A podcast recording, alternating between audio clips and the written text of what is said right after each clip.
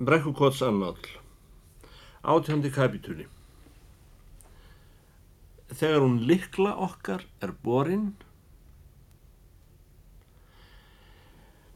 Hef ég nú glemt konu úr landbroti út af þessum feikna söng við Östurvöll sem auðvitað varð aldrei neitt.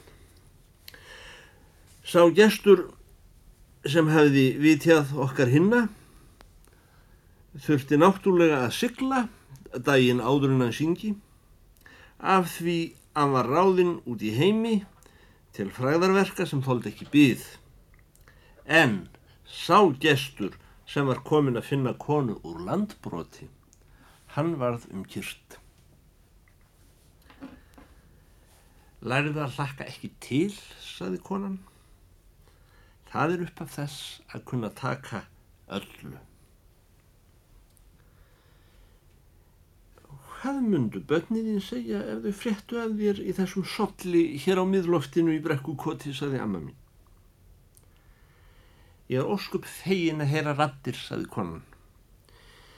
Ég kvíði einlegt fyrir ef einhver fer út. Já, við höfum ekki heldur annað en rausið að leggja þér til, saði amma. Þá saði konan drengurinn minn sem aldrei gætt séð af henni mömmu sinni. Og telpan sem á orðið tólfa er ég veit að ég ætla mér ekki svo illt að ég fara að deyja fyrir augunum á þeim innmitt þegar hún likla okkar loksins að komast í gang við hjá mér sem höfðum ekki séð kyrbein í sjö ár Ég sé að þú ert búin að hengja upp treyjuna þína komandör, sagði kapteinn Hógensen. Ljúðu einhverju áður nú sopnar? Nú er kattar aflægið tínt sem hefur verið að flækjast hjá mér í mánuð þar á erinni, sagði eftirlitsmaðurinn. Best geti ég trúað að yfirvöldin hefðu hengt það. Framkvæmdinnar er orðnar svo stórt stíga nú á dögum. Með leifi húður á þennan gullpenning sem liggur þarna á hillu fyrir ofanðill kafteinn Hóðinsen. Það er gullpenningurinn hans Álfgríms, sagði kafteinn Hóðinsen. Nú eru þeir farnir að gefa gullpenninga. Nú er ekki formað lengur að rétta undir hálfu kvíldi að barni og ljúðu stórfréttum. Öngvar stór fréttir, saði eftirlitsmaðurinn. Ekki enn. Það er helst að eitthvað gerist hér á miðloftinu. Allt við sama í Hosiló. Ætla að sé ekki svipaði mig á köttin, gall konan við innan úr komendunni. Hann týnist á milli, en kemur í leitinnar um það bíl sem hann hefur verið talin af. Rétt er það, sagði eftirlitsmaðurinn. Hann var að fara úr sokkonum framann á hjá Runolfi Jónssoni.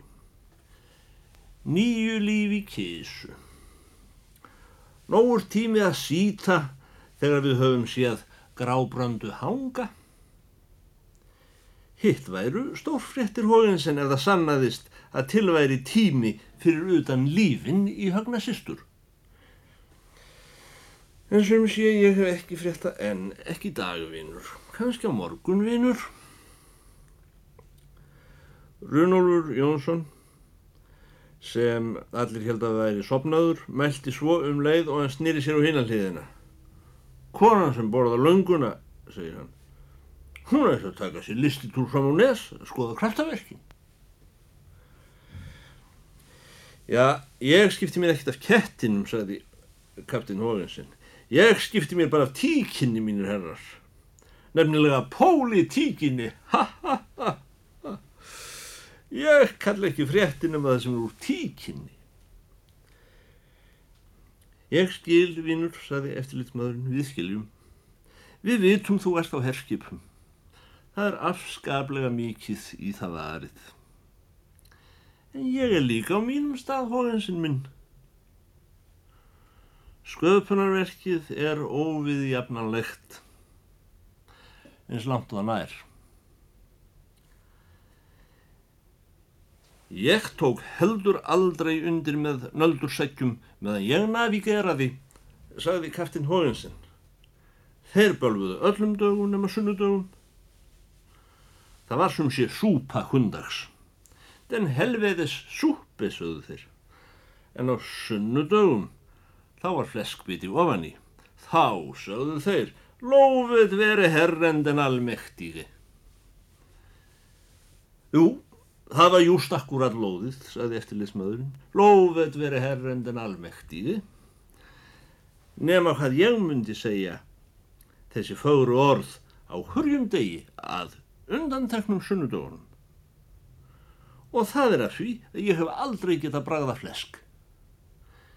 Ég þarf ekki nema að finna lykt af fleski, þá er út um mig. Og þar með þarf ég að koma mér upp. Guði gefi ykkur góðanótt. Og mun eftir að segja honum álgrími litla þegar hann vaknar í fyrramáli að um, ég hefi tekið gullpenningin að natna til handargag svo hann týnist ekki. Og um, konan sem borða launguna helt áfram að lífa. Lengi vel seildist hún til hurðarinnar og hallaði aftur meðan hún hefði köstin. Því hún vildi ekki tröfla með stöðnum og óhljóðum mannin sem stjórnar herskipum. Þegar kasti var liðið, ítti hún upp hurðinni á hálfa gátt aftur. En væru komnir gestir að segja tíðindi af stórviðburðum, ellegar einhver rakti þátt úr æfi merks Íslendings eða gladbeittur maður upphófst með siglingavísu eða hestavísu, þá ítti konan hurðinni hjá sér alveg á gátt. Þessi kona sagði alltaf eitthvað við mig þegar ég gekk fram hjá. Einað spurði hún um veðrið á hvaða áttan veðri í dag eða hvort ég held ég hann myndi lafa þurr en það var vandið að svara henni til um þessi efni. Einu sinni sagði ég við konuna, hann lagstur í ryggningar. Mér skjálfingar að heyra þetta ruggl, sagði konan. Ég veit ekki betur en hann hann verið þurr í morgun. Líkt á gluggan, sagði ég. Veit ég það, sagði konan, það er úrhellið þessa stundina, en það segir enginn að sé lagstur í rykningar nema ekki hafið hornað af steini í viku. Einhverju sinni síðdags spyr hún enn og þá ætla ég að vanda mig sérstaklega og segi Hann kom onni í morgun.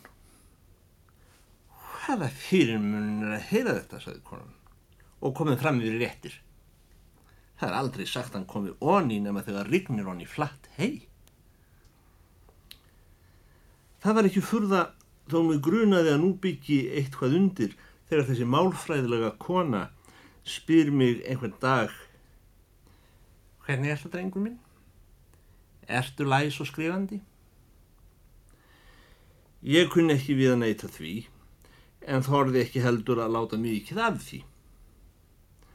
Að lesa og skrifa hefur reyndar aldrei verið talið til mentunar á Íslandi fremur en rífa hertan þoskhaus, ekki einu sinni hjá lúsa fólki. Á minni tíð voru börn almennt ekki sendið í skóla fyrir en eftir að þau höfðu lesið Íslandingasögurnar heima hjá sér, en það eru í kringum 40 bækur.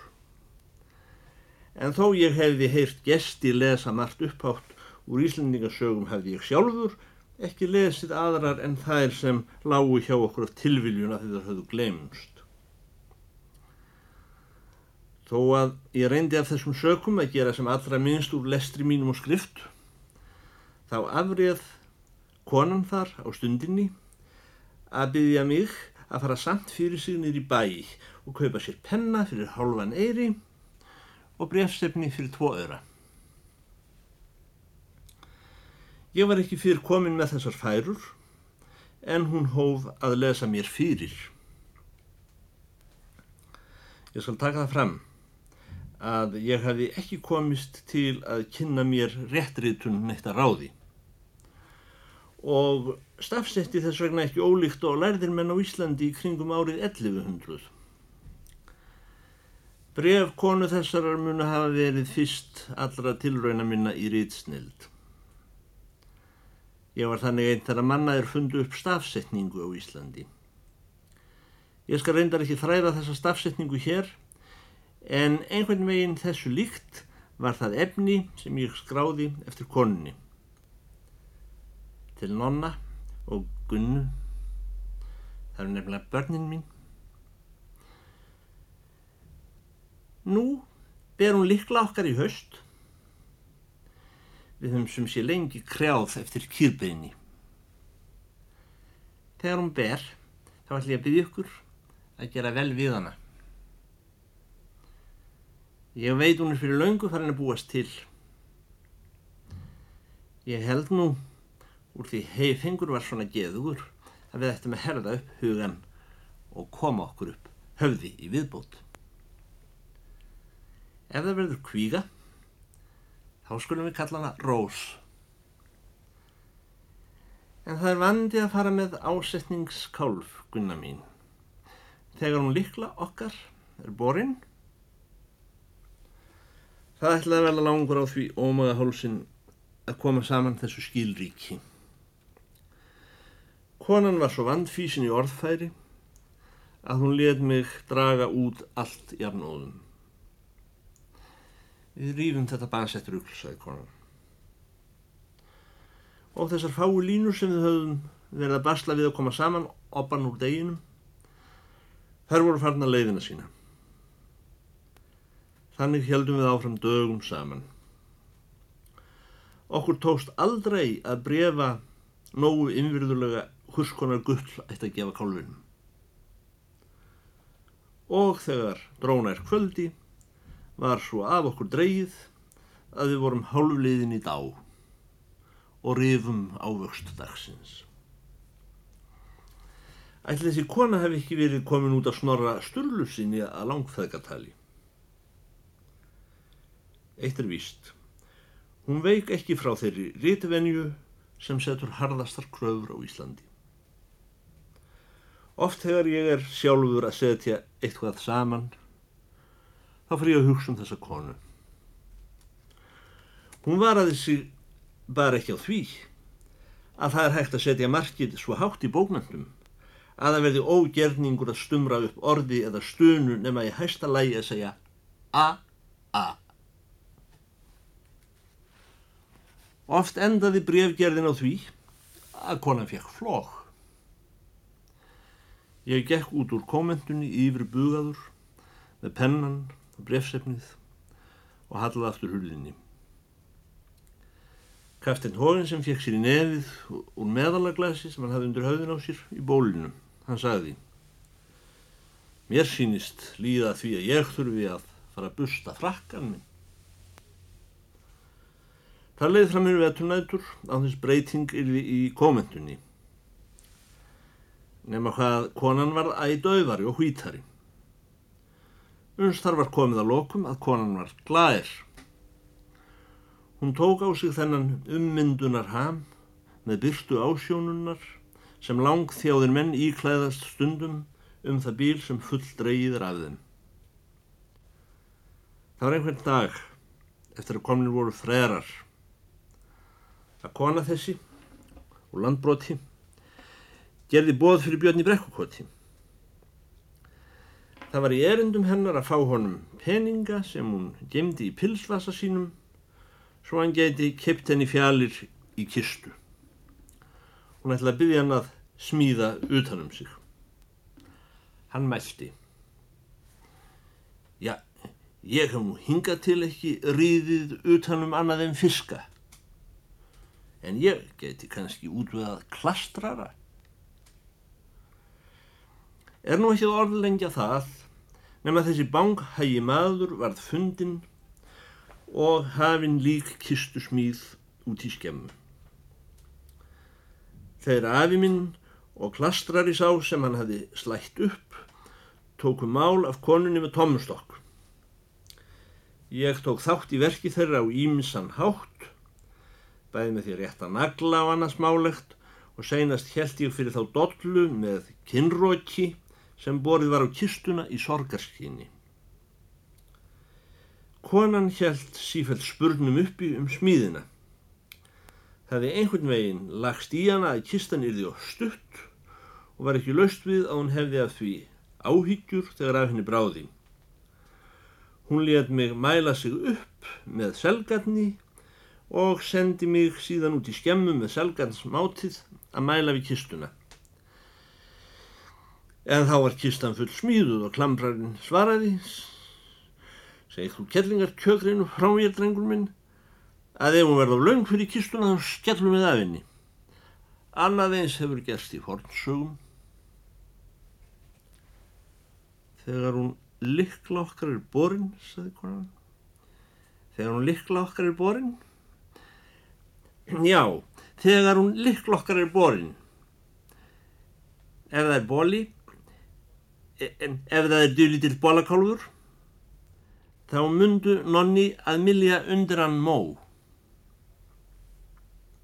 Kvalds og mótna. Þurran mó. En séðan og eftir kvíga sem við vonum öll, hún á að heita Rós. Við skulum gefa henni nýmjólkur mörk í mál. Nei, annars höfum það tvær. Við erum ekki að knepra það. Það verður marg borga þó síðar veldi börninguð. Gott er nú að láta gröytarsleikju saman við. Og ekki spillir fisk svoð. Sumil láta kaffikorg út í sublið kálsins. Það kuð vera hold. Þó meira til jórtur sem fylli.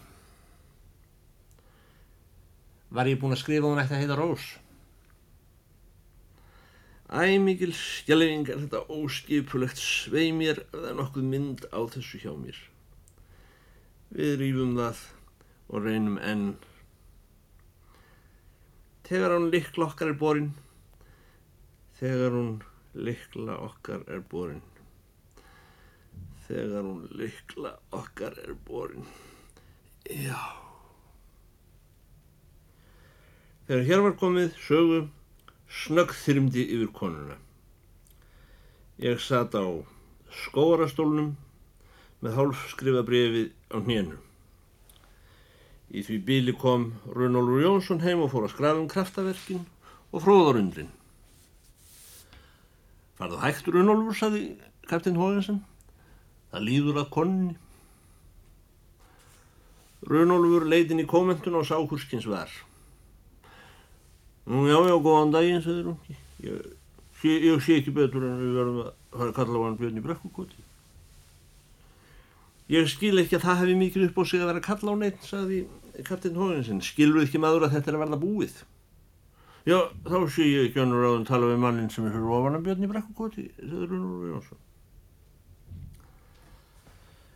Hann var lagstur að með frost og snjóa. Konan var borin út daginn eftir. Jónas gamli Pólití var komin á samt vinnupilti austan á Kolviðarhóli sem hefði dreyjist á að hafa líkið í farangri sínum fyrsta áfangan.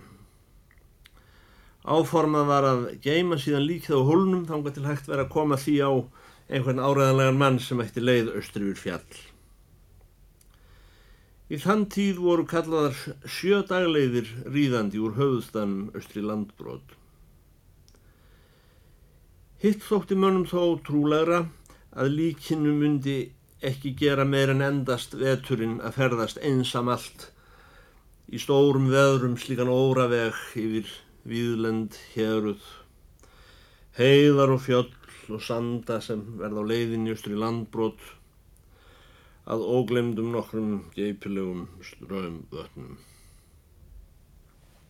Það var gerði ein aðtöfn úr kistulagningu og húskveðju en prestlöst og án kyrkjulegra yfirsöngva.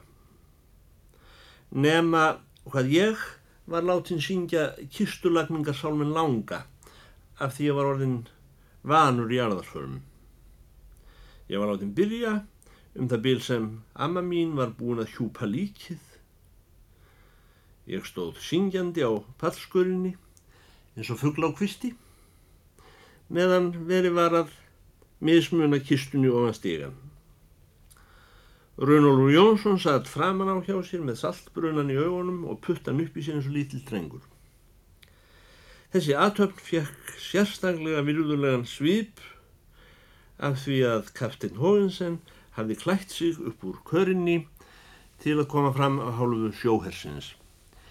Einkennisbúningurinn hans var vendilega bustaður og ég ætla ekki að tala um gullnappana hans eða derið á kaskitinu. Hann stóð í herfóringjastellingum upp við stóðina hjá höfðalæginu sínu og það mótti sjá hvernig bláar æðarnar hlikkjuðust undir húðinni á honum sem var eins og bókfell. Þessi útlendi embætsmaður í Danaveldi sem var alveg nákvæmlega eins og hans hátign Kristján Níundi á svipin Hann bar krepta verkamannshönd sína upp að derinu þegar líkið var borðið fram hjá honum og stóð síðan í þessum stellingum á þess að deppla auga meðan ég var að syngja sálminn. Allar götur fram í Amen.